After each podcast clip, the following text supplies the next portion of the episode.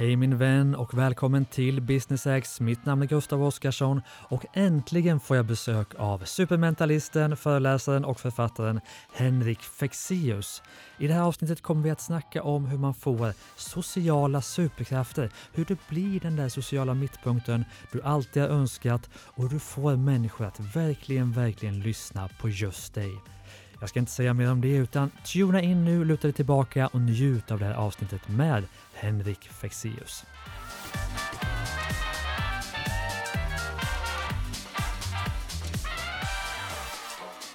Varmt välkommen till Business X, Henrik Fexeus. Tack så jättemycket. Hur är läget? Det är mycket bra. Ja. Och varmt och härligt är det idag. Vi är ju i en period av Stockholms kanske varmaste augustiklimat på länge känns det som. Så är det ju. Ja. Och minnet är ju så kort för nu går alla omkring och säger precis som jag, åh gud det är så varmt. Men är inte sanningen att vi också har haft en av de kallaste somrar i mannaminne?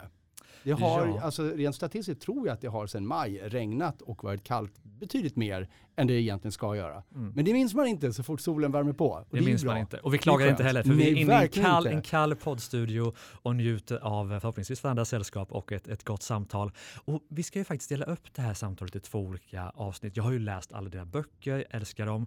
Och de två ämnena som jag har liksom verkligen känt att jag vill ta med dig, det är ju dels hur man bygger sin sociala superkraft, vilket Mm. vi ska ägna det här avsnittet åt. Och sen gör vi ett annat avsnitt med dina, vad ska man säga, övriga mentala superkrafter. Eh, bland annat då med de bästa tipsen från din bok, eh, vad heter det? Konsten att skaffa mentala superkrafter, säger jag fel nu? Ja, någonting sånt heter. Någon- Konsten att få kanske. Konsten att få, ja, okej, superkrafter. ja, men det var ganska nära i alla fall. Ja. Så då tänkte vi kan börja med i det här avsnittet att, att snacka om de, de sociala superkrafterna. För vi som driver företag, Mm. vi har ju ett, ett stort behov av att ge oss ut. Vi ska sälja, vi ska nätverka, vi ska liksom få människor att, att hänga på det vi gör.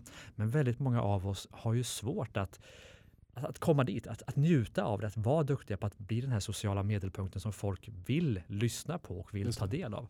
Och det tänker jag att vi ska göra någonting åt. eh, Ja, det är väl rimligt idag. tycker Och jag. du har ju skrivit både böcker och haft föreläsningar om det här. Så att, om vi tänker oss då att, att jag är en, en företagare som känner att jag måste liksom ge mig ut där. Jag måste bli bättre på det sociala. Jag måste bli bättre på att få folk att lyssna på mig. Jag måste bli bättre på att hantera kommunikationen i mitt bolag. Var ska man börja liksom, om man vill utveckla den här förmågan? Mm. Det där är ju väldigt många olika frågor i, i en egentligen. Och Ja. Man kan väl bryta ner det, eller vi kan väl bryta ner det för enkelhetens skull, kanske tre nivåer. Mm. Och eh, den ena nivån handlar lite grann om mindset. Mm. Därför att ofta varför man tycker att det är eh, läskigt att ut och, och prata inför andra är ju, eh, först kanske man tänker men gud jag är inte förberedd och så Mm. skriver man ett manus och så Mm. tänker man att eh, nej men gud jag, jag, det är ändå jobbigt, vad konstigt.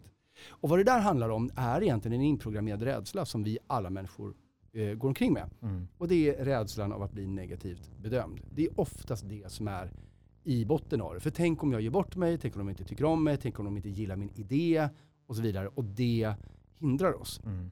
Och vad det egentligen handlar om är att eh, om, vi inte, om vi blir negativt bedömda, då tänker vi gärna att då kanske vi inte får vara med i den sociala gruppen. Mm.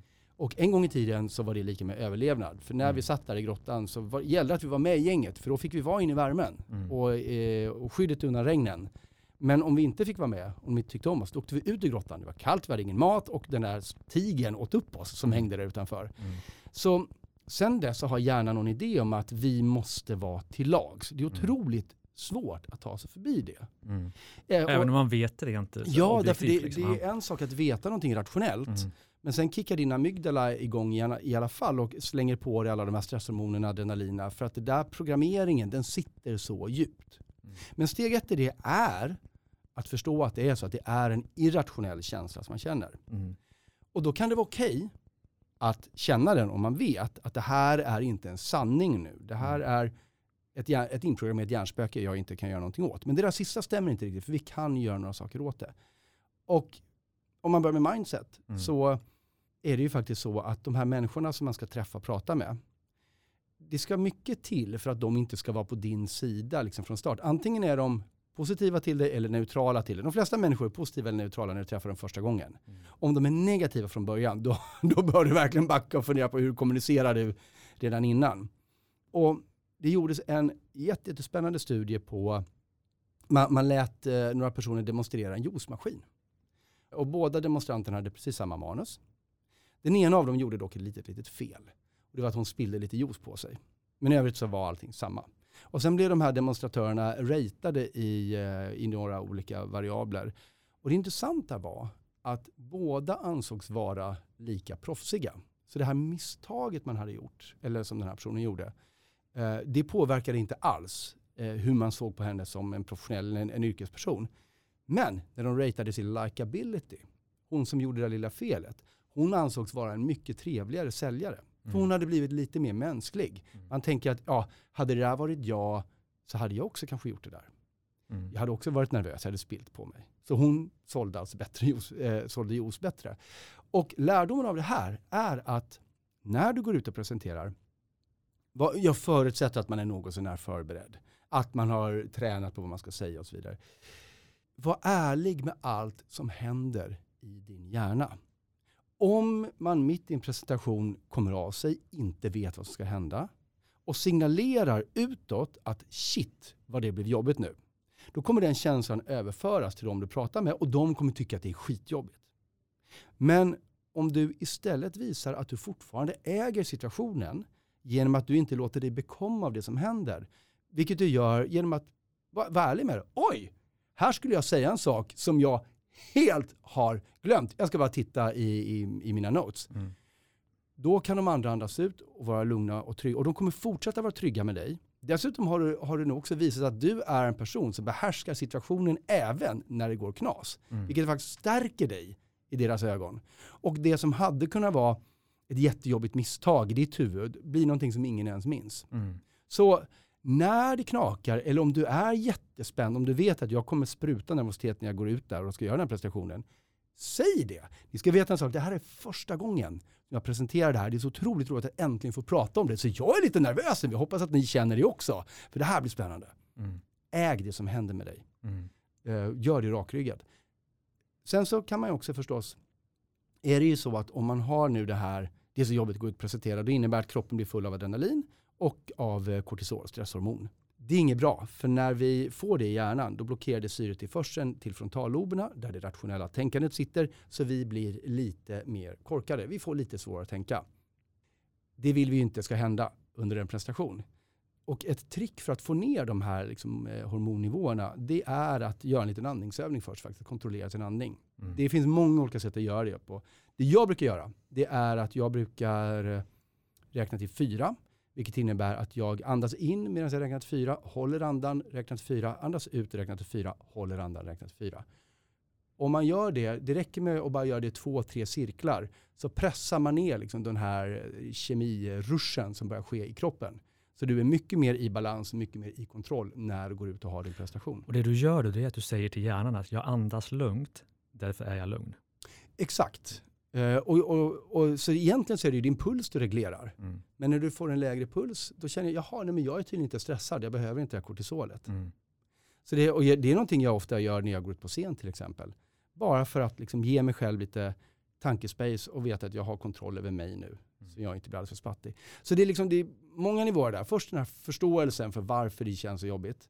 Uh, nivån under det är ju vi, att vi kan äga det istället och förvandla det till någonting bra när, när vi upplever saker i kroppen eller hjärnan. Och, och det tredje är att det finns ju tekniker rent fysiologiskt för mm. att hjälpa oss i det här. Så att det, det, är väl en grej man kan göra, tänker jag. Ja, och det vill jag fylla på med en sak som har hjälpt mig jättemycket. Jag föreläser ju en del och är i många sociala sammanhang.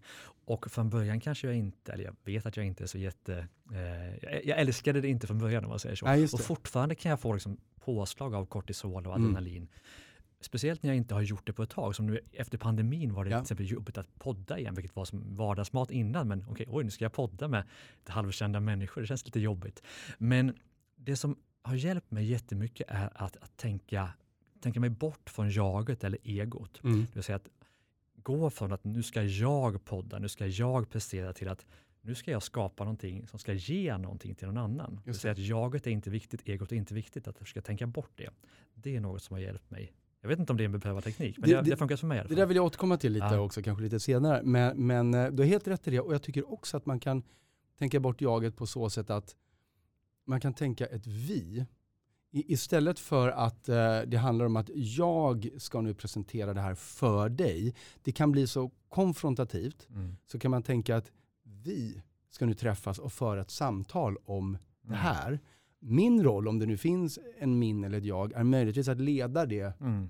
på ett, på ett, eh, på ett värdigt sätt. Men det här, är som, det här mötet är någonting som vi skapar, som vi gör. Mm. Det är inte jag som eh, ska spela apa Mm. framför dig på en cirkusscen. Jag fattar.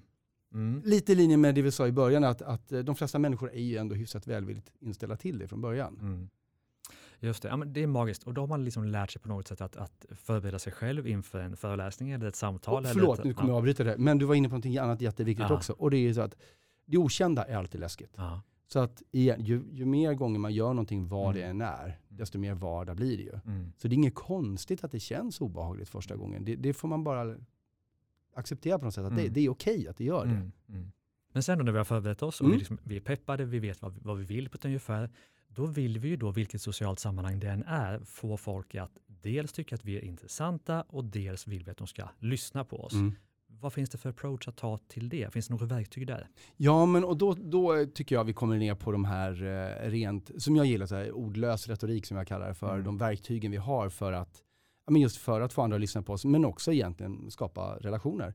Därför att människor som vi tycker om att lyssna på är ofta, eller människor vi upplever att vi förstår, ska jag säga, är människor som vi också upplever är som vi. Mm. Som vi upplever kommunicerar som vi, som vi upplever har ungefär samma grundläggande värderingar som vi. Mm. De föredrar vi, för det blir enklast. Mm. Och därför så har vi ett helt batteri med verktyg där vi ordlöst kommunicerar till andra att jag är ungefär som du är. Mm. Och vad det handlar om är att vi anpassar alla våra kommunikationskanaler. Eh, Och det här kan man, vi gör det ofta omedvetet, men man kan göra det, det här medvetet Mm. för att bygga det här mycket, mycket starkare, mycket snabbare. Eh, när det handlar om språk så ser man till att man använder ungefär samma typ av språkbruk. Mm. Märker man att någon har ett favoritord som de använder kan man gärna plocka upp det. Mm. Vi kan se till att vi pratar i ungefär samma hastighet, för om de andra pratar jättelångsamt och så kommer jag in och pratar jättefort. Det blir inget bra möte, Mm. för då har jag väldigt tydligt visat att jag är inte som ni är. Mm. Man kan eh, försöka anpassa tonen i sin röst så man, inte, så man är, ligger lite närmare dem än vad man kanske skulle gjort naturligt. Mm. Vi har, eller man har också märkt att eh, när vi anpassar vårt kroppsspråk, det behöver inte, med det menar jag inte att man ska härma någons kroppsspråk, men man har ungefär samma typ av gester, ungefär samma frekvens. Om den andra rör på sig jättelite och jag normalt rör på mig jättemycket, kanske Mm. jag tonar ner det lite grann. Mm. Eller tvärtom. Mm. Så på så sätt så visar det att jag rör mig och beter mig och låter som du. Det betyder att jag förmodligen också ungefär tänker som du. Mm. Och även i mina fysiska attribut som kläderna Absolut. naturligtvis. Självklart. Det som har funkat bra för mig, och vilket man inte alltid lyckas med, du hittar någon form av, i försnacket, alltså det här Mm. lösa snacket, att hitta någon form av eh, gemensamt intresse. Absolut. Löpningen eller vad det nu kan vara. Men jag har varit med om tillfällen där jag, vi lyckas inte hitta det här gemensamma nämnaren som vi kan bara chitchatta lite om. Vad gör man då? Nej, men det är spännande. Men, men då, är det ju, Ja. då är det ju det som är så bra att det räcker ju sällan med att använda en av de här grejerna. Mm. Men känner man till att det finns så många som du kan jobba med, om du Mm. inte hittar den här gemensamma nämnaren, Mm. nej men då kan du fortfarande försöka jobba med rösttempot eller tonläget eller språket eller kroppsspråket eller, eller blickriktningar. Mm. Eh, eller, eller hastighet på andning eller hur man sitter. Bara, Mm. Så mycket i den andras beteende du bara kan plocka upp, Just det. desto bättre. Så det gör Mm. inget, du kommer aldrig kunna göra alla grejer. Mm. För att ibland kommer den andra människan vara alldeles för långt ifrån dig. Eller Mm. man inte hittar något gemensamt. Men då Mm. finns det någonting annat man kan ta. Mm. Och det, det spännande med det här är ju att eh, det här har liksom varit någon form av så här psykologsanning ganska länge. Men för ett antal år sedan så började man även göra kvantitativa mätningar om det här på MIT. Mm. Så, så det finns mängder på dat med data på att det här verkligen stämmer. Och en annan sak som Alex Pentland som, heter, som gjorde de mätningarna som han upptäckte var att när vi pratar så har vi lite olika sätt att prata på. Du kan prata väldigt, eh, ja men du vet, rakt utan att sta- stacka dig en enda gång Mm. och eh, det låter väl repeterat och snyggt. Och så finns det de som startar och stoppar och tar om och det blir lite hackat och så vidare. Mm. Och då är det lätt att tänka sig att det där första är bra. Mm. Man ska ha den här liksom svadan liksom, som, som löper. Men vi tolkar folks mentala beteende utifrån bland annat hur de låter. Och människor som är väldigt kreativa, som tänker medan de pratar, Mm. de har just det här start och stopp-beteendet i sitt tal. Mm. Det betyder att ska du jobba som telefonförsäljare eller någonting sånt så är det jättebra att ha det här första, liksom den här lugna, trygga svadan som man kan höra. Men ska du ut och presentera dig som entreprenör och vill framstå som att du är liksom en tänkande och kreativ person och det händer mycket i nuet. Mm. Då är det bra att inte låta alldeles för inrepeterad. Mm. Därför att vi vet att en sån människas normala speech pattern är lite fram och tillbaka, lite ryckigt. Så det kan man också använda sig av med flit om man vill. Mm. Eller tänka på att inte använda, beroende på vilken personlighet man vill, vill uh, visa helt enkelt. Mm. Jag tänker också att en sak man skulle kunna tänka på, du får säga om jag är rätt eller fel, det är ju att tänka att personen mitt emot också har sina issues och osäkerheter i ett samtal. Va? Det är inte bara vi som har det. Det är jätte, jättebra. Mm. Det är väldigt bra. För jag inbillar mig, nu är det ju sällan som jag är ute och presenterar mig som företagsledare, mm. men jag kan inbilla mig att man kanske ofta kommer in i den situationen, speciellt som entreprenör och känner att man är det finns en statushierarki. Antingen mm. kommer man in som underdog eller så kommer man in och är jättesjälvsäker och tycker att man äger det mm. och bara ska få, få den andra att säga ja. Mm. Men eh, att göra det mer jämlikt, mm. Att tänka precis som du, som du säger, att den andra har också sina kommunikativa utmaningar här i, i samtalet och också vad mm. gäller förståelse och, mm. och så vidare, eller börja tänka på andra saker, så eh, kan det nog bli en mycket, mycket behagligare mm. situation. Verkligen. Men okej, okay, nu har vi lärt oss lite om hur vi kan förbereda oss. Vi har liksom om kroppsspråk och det, det visuella, kläderna, tonen och så vidare. Men nu ska vi, liksom, nu ska vi säga någonting, nu ska vi mm. presentera mm. någonting, nu ska vi föreläsa om någonting, nu ska vi få fram ett budskap. Finns det verktyg även där vi kan använda oss av i själva liksom det vi säger, inte bara det visuella omkring. Jo, men det finns det. Då börjar vi komma in på, på retorik kanske. Ja. Och jag, jag försöker att lite stanna innan det. Men det, mm. men det finns absolut... Eh, och du får styra om mig ja, ja, nej, men, men det om jag missar någonting. Ja. Det finns strukturer som jag tycker är intressanta i hur man kommunicerar. Och väldigt ofta upplever jag att jag har tänkt ut någonting som jag tycker är så himla bra. Mm. Så att jag behöver bara få dig att förstå varför det här är bra. Mm. Så kommer jag få det som finansiär, eller du kommer köpa min grej, eller vi ska mm. samarbeta eller vad det är. Yeah. Men det jag glömmer bort är kanske att, ja men det är utifrån mitt perspektiv. Mm. Och varför jag tycker att det här är så bra, det är ju för att jag ser att det uppfyller ett behov mm. som jag har. Men du kanske inte har det behovet eller ser inte det behovet. Och då kan jag tjata mig blå om att det här är ett behov som ska uppfyllas. Om inte du upplever det så kommer det här inte funka ändå. Mm. Så någonting som är jätteviktigt tycker jag i, i all sån kommunikation är ju att fundera på att om jag nu ska presentera någonting, på vilket sätt kan det möta ett behov som min mottagare har? Mm. Inte förutsätta att vi har samma behov. Därför att förhoppningsvis, om jag tänker på min mottagare och sätter mig in i den personens situation, så kan jag kanske hitta ett motsvarande behov som uppfylls av det här jag ska presentera. Ja men bra, då har jag en ingång, då har jag någonting som gör det här relevant för dig. Men förutsätt inte att din utgångspunkt är samma som andras. Mm. Och jag tror att det är lätt att göra det om man är väldigt engagerad i sin egen idé. Mm. Men hur gör man det praktiskt då? Ställer man frågor innan mötet eller under mötet? Eller försöker man tänka sig in i den andra personens huvud? Eller alltså, gör, hur gör man det bäst? Jag tror inte att det är så svårt. Man mm. vet ju vem man ska träffa. Ja. Och eh, jag tror att väldigt mycket av det arbetet kan man göra i förväg genom att bara fundera på vem är den här personen? Hur ser mm. deras vardag ut? Varför vill jag överhuvudtaget träffa den här personen och prata om den här grejen? Mm.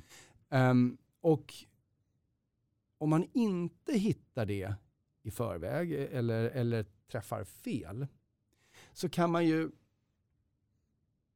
man kan försöka anta, jag använda den där, är det Mitsubishi eller var det Toyota? Toyota var det va? Uh, uh, när man säger varför fem gånger. Mm. Uh, att, att komma till pudelns kärna i det. Liksom. Mm. Om man säger, nej men jag tycker inte om det här eller jag hade velat ha det på ett annat sätt. Ja, men varför då? Hur då? Mm. Jo, därför att X. Mm. Okej, okay, men varför skulle det vara bra? Jo, därför att Y. Mm. Och eh, idén är att efter ungefär fem nivåer av varför, då har man kommit ner till grundbehovet. Eller, mm. eller det som det egentligen handlar om, varför mm. någon egentligen tycker eller tänker någonting. Mm.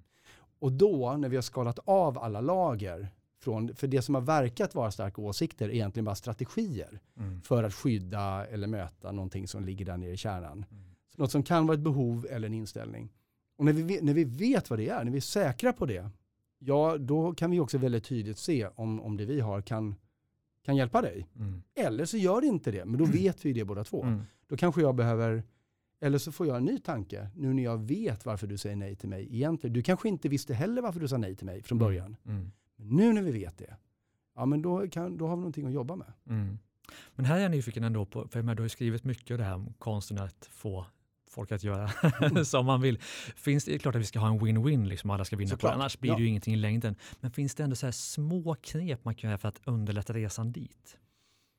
Att Eh, få folk hur- att förstå mig bättre eller att få folk att liksom lyssna på mig mer eller vad det nu kan vara. Att det finns liksom, ja, verktyg för det.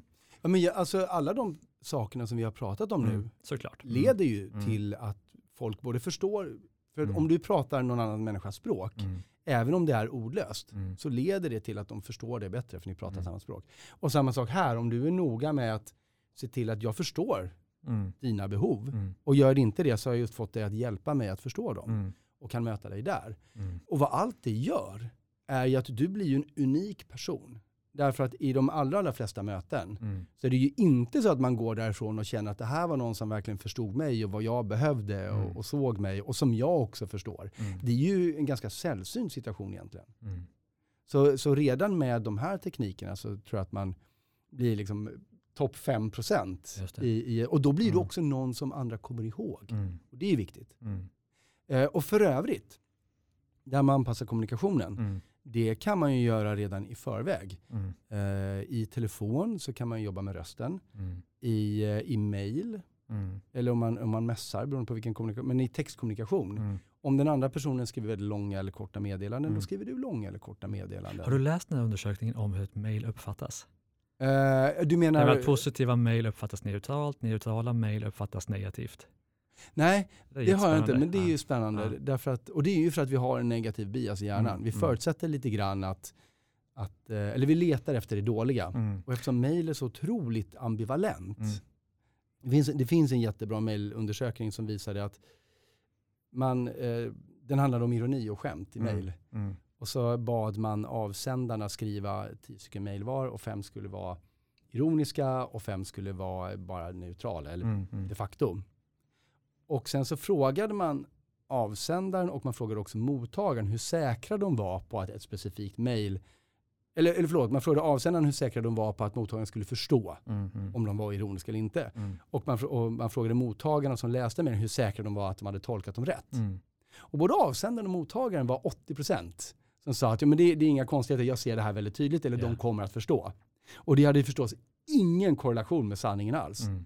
Det är jätte, jättesvårt att förmedla känslolägen i mejl. Det var ju därför vi uppfann emojisar. Eh, Så det, och det ligger helt i linje med det du säger. Mm. Och ta exempelvis om du skriver ett mejl till mig och så börjar du med Gustav och sen utropstecken. Mm. Då kanske du tänker att åh, Gustav! Ja, Och jag tänker, vad fan har jag gjort? ja, exakt, exakt. Och det är jätte, jätteklurigt. Mm. Eh, Så att man får ju, eh, det bästa man kan göra är att dels undvika utropstecken och så vidare. Mm. Men också försöka på, om jag fick ett mejl som började så, Henrik, Mm. utropstecken, Mm. hur skulle jag tolka det? Mm. Ah, Okej, jag kanske inte, jag vet inte hur jag skulle tolka det. Nej, exakt. Och om inte ens jag vet, Mm. då ska jag inte skriva så. Mm, fattar. Men du, det finns ju de här människorna som jag alltid har varit lite avundsjuk på som kommer in i ett rum och helt plötsligt alla dras till dem, Mm. alla vill vara med dem, de verkar så spännande. Det är inte säkert de är det, men de har någon form av aura kring sig som bara säger att det här är någon jag vill hänga med, det här är någon jag vill veta mer om. Vad gör de? Jag tror att det är, de gör nog väldigt mycket olika saker. Mm. Och sen så finns det alla möjliga teorier om feromoner och så vidare som vi inte ens Mm. behöver gå in på. Men några saker de lär ha gemensamt lär vara att de eh, är ganska raka i ryggen. De Mm. har ett väldigt öppet kroppsspråk. Mm. De ler Mm. och de eh, tittar intresserat på folk med ögonkontakt. Och förmodligen så stannar de också en sekund på tröskeln och tar in hela rummet. Mm. Och det signalerar, det är liksom ett alfabeteende att gå in i ett rum på det sättet. Och det Mm. har vi också i programmerat i oss att oj, här kommer en ledare eller någon som kan vara bra Mm. att hänga med och känna Mm. till. Och om den personen parallellt med det då verkar vara positiv och, och avväpnande Mm. genom att le och skratta och Mm. verkar vara kommunikativt eh, närvarande, Mm. ja då blir det ju någon vi vill vara med. Mm.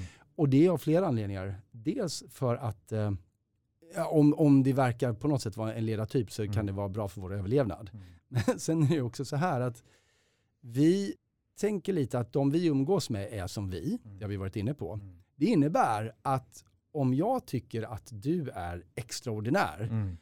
Då ser jag till att hänga med dig för då kan jag tänka att jag är lite som du är. Mm. Så det är också ett sätt att smickra oss själva, att Just vi det. vill vara med de här människorna. Mm. Det låter hemskt, men, Nej, jag men det är så. Ja. jag älskar det.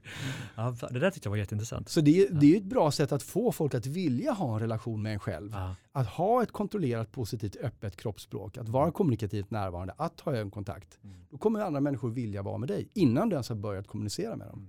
Spännande. Du, tiden för det här avsnittet går lite mot sitt, sitt slut. Ja, jag funderar på, är det något liksom vi har missat som bara, shit, det här verktyget, apropå sociala superkrafter, måste jag bara få dela? Ehm, alltså vi har ju egentligen bara skrapat på ytan. Jag vet, men sen ja, kommer ju böckerna. Ja, exakt. Att, Vi måste sälja in någonting också. Eh, precis, så att, eh, vi, vi får säga det att, Ja. att om det här överhuvudtaget verkar intressant och vettigt så finns det ju hur mycket som helst att läsa mer om det. Eh, väldigt praktiskt, jag är en väldigt praktiskt lagd person. Mm. Och som tur är har ju jag skrivit majoriteten av de böckerna. Exakt, exakt. Vilken är den bästa då just inom det här? Eh, jag skulle säga att det är en kombination av min första bok Konsten att läsa tankar och Mm. min sista bok Fingertoppskänsla. Mm. De två, då har man ett eh, kit som inte går av för hackor. Mm. Och det är en av dem jag faktiskt inte har läst, Ah. så jag blir glad också.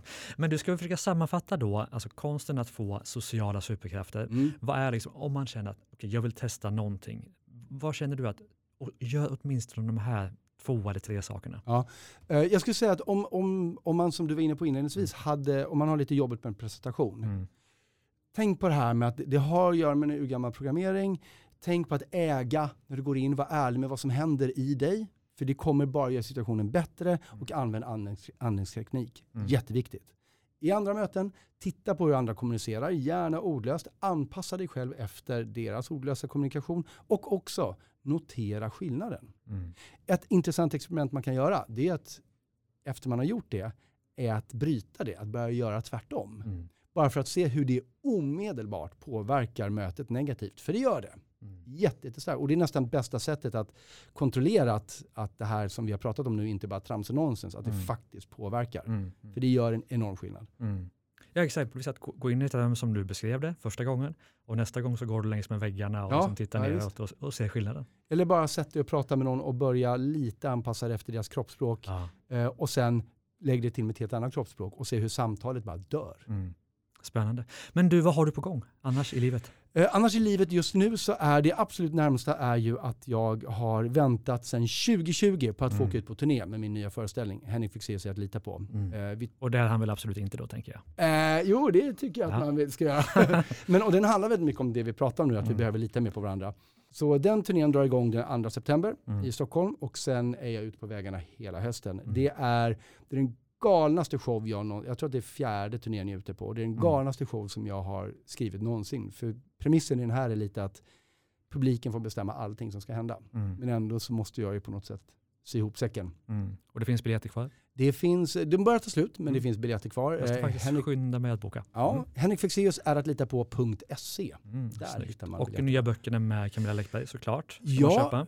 Precis, vi har ju skrivit två stycken i vår Mm. trilogi, Kult och, eller Box och Kult. Ja. Eh, och det går ju oförskämt bra för de där böckerna Såklart. måste jag säga, Ja. över hela världen. Mm. Eh, och vi börjar, tre dagar efter att min turné har börjat, Mm. så sätter sig jag och Camilla också och skriver bok nummer tre, Mm. som kommer om ett år, som avslutar hela det här enorma bygget Mm. som vi har skapat. Som är bland det roligaste jag har gjort i hela mitt liv också. Och så förstås ditt koppel av böcker om personlig utveckling. Gud ja. Ja. det är ju nästan enklast att gå in på sin favoritbokhandel Mm. och bara, eller, eller googla på Henrik Fexeus böcker Mm. så kommer det En finnas varm en diger lista. En varm rekommendation för mig som har läst nästan alla i alla Ja, fall. Det var en jag inte hade läst, så den ska jag verkligen Det, var det eller? Ja. ja Precis. Men det det kommer snart. Kommer. Men du, härligt ja. Henrik. Stort tack för vårt första avsnitt Tack så tillsammans. Och tack till dig som lyssnar. Det kommer snart också eh, ett nytt avsnitt där Henrik delar med sig av sina bästa tips om att skaffa mentala superkrafter. Du hittar alla våra poddar såklart där poddar finns och på driva-eget.se. Prenumerera också på våra andra poddar Ordinary People, Who Do Badass Things och Starta Eget-podden. Stort tack för idag. Hej då! Hej då.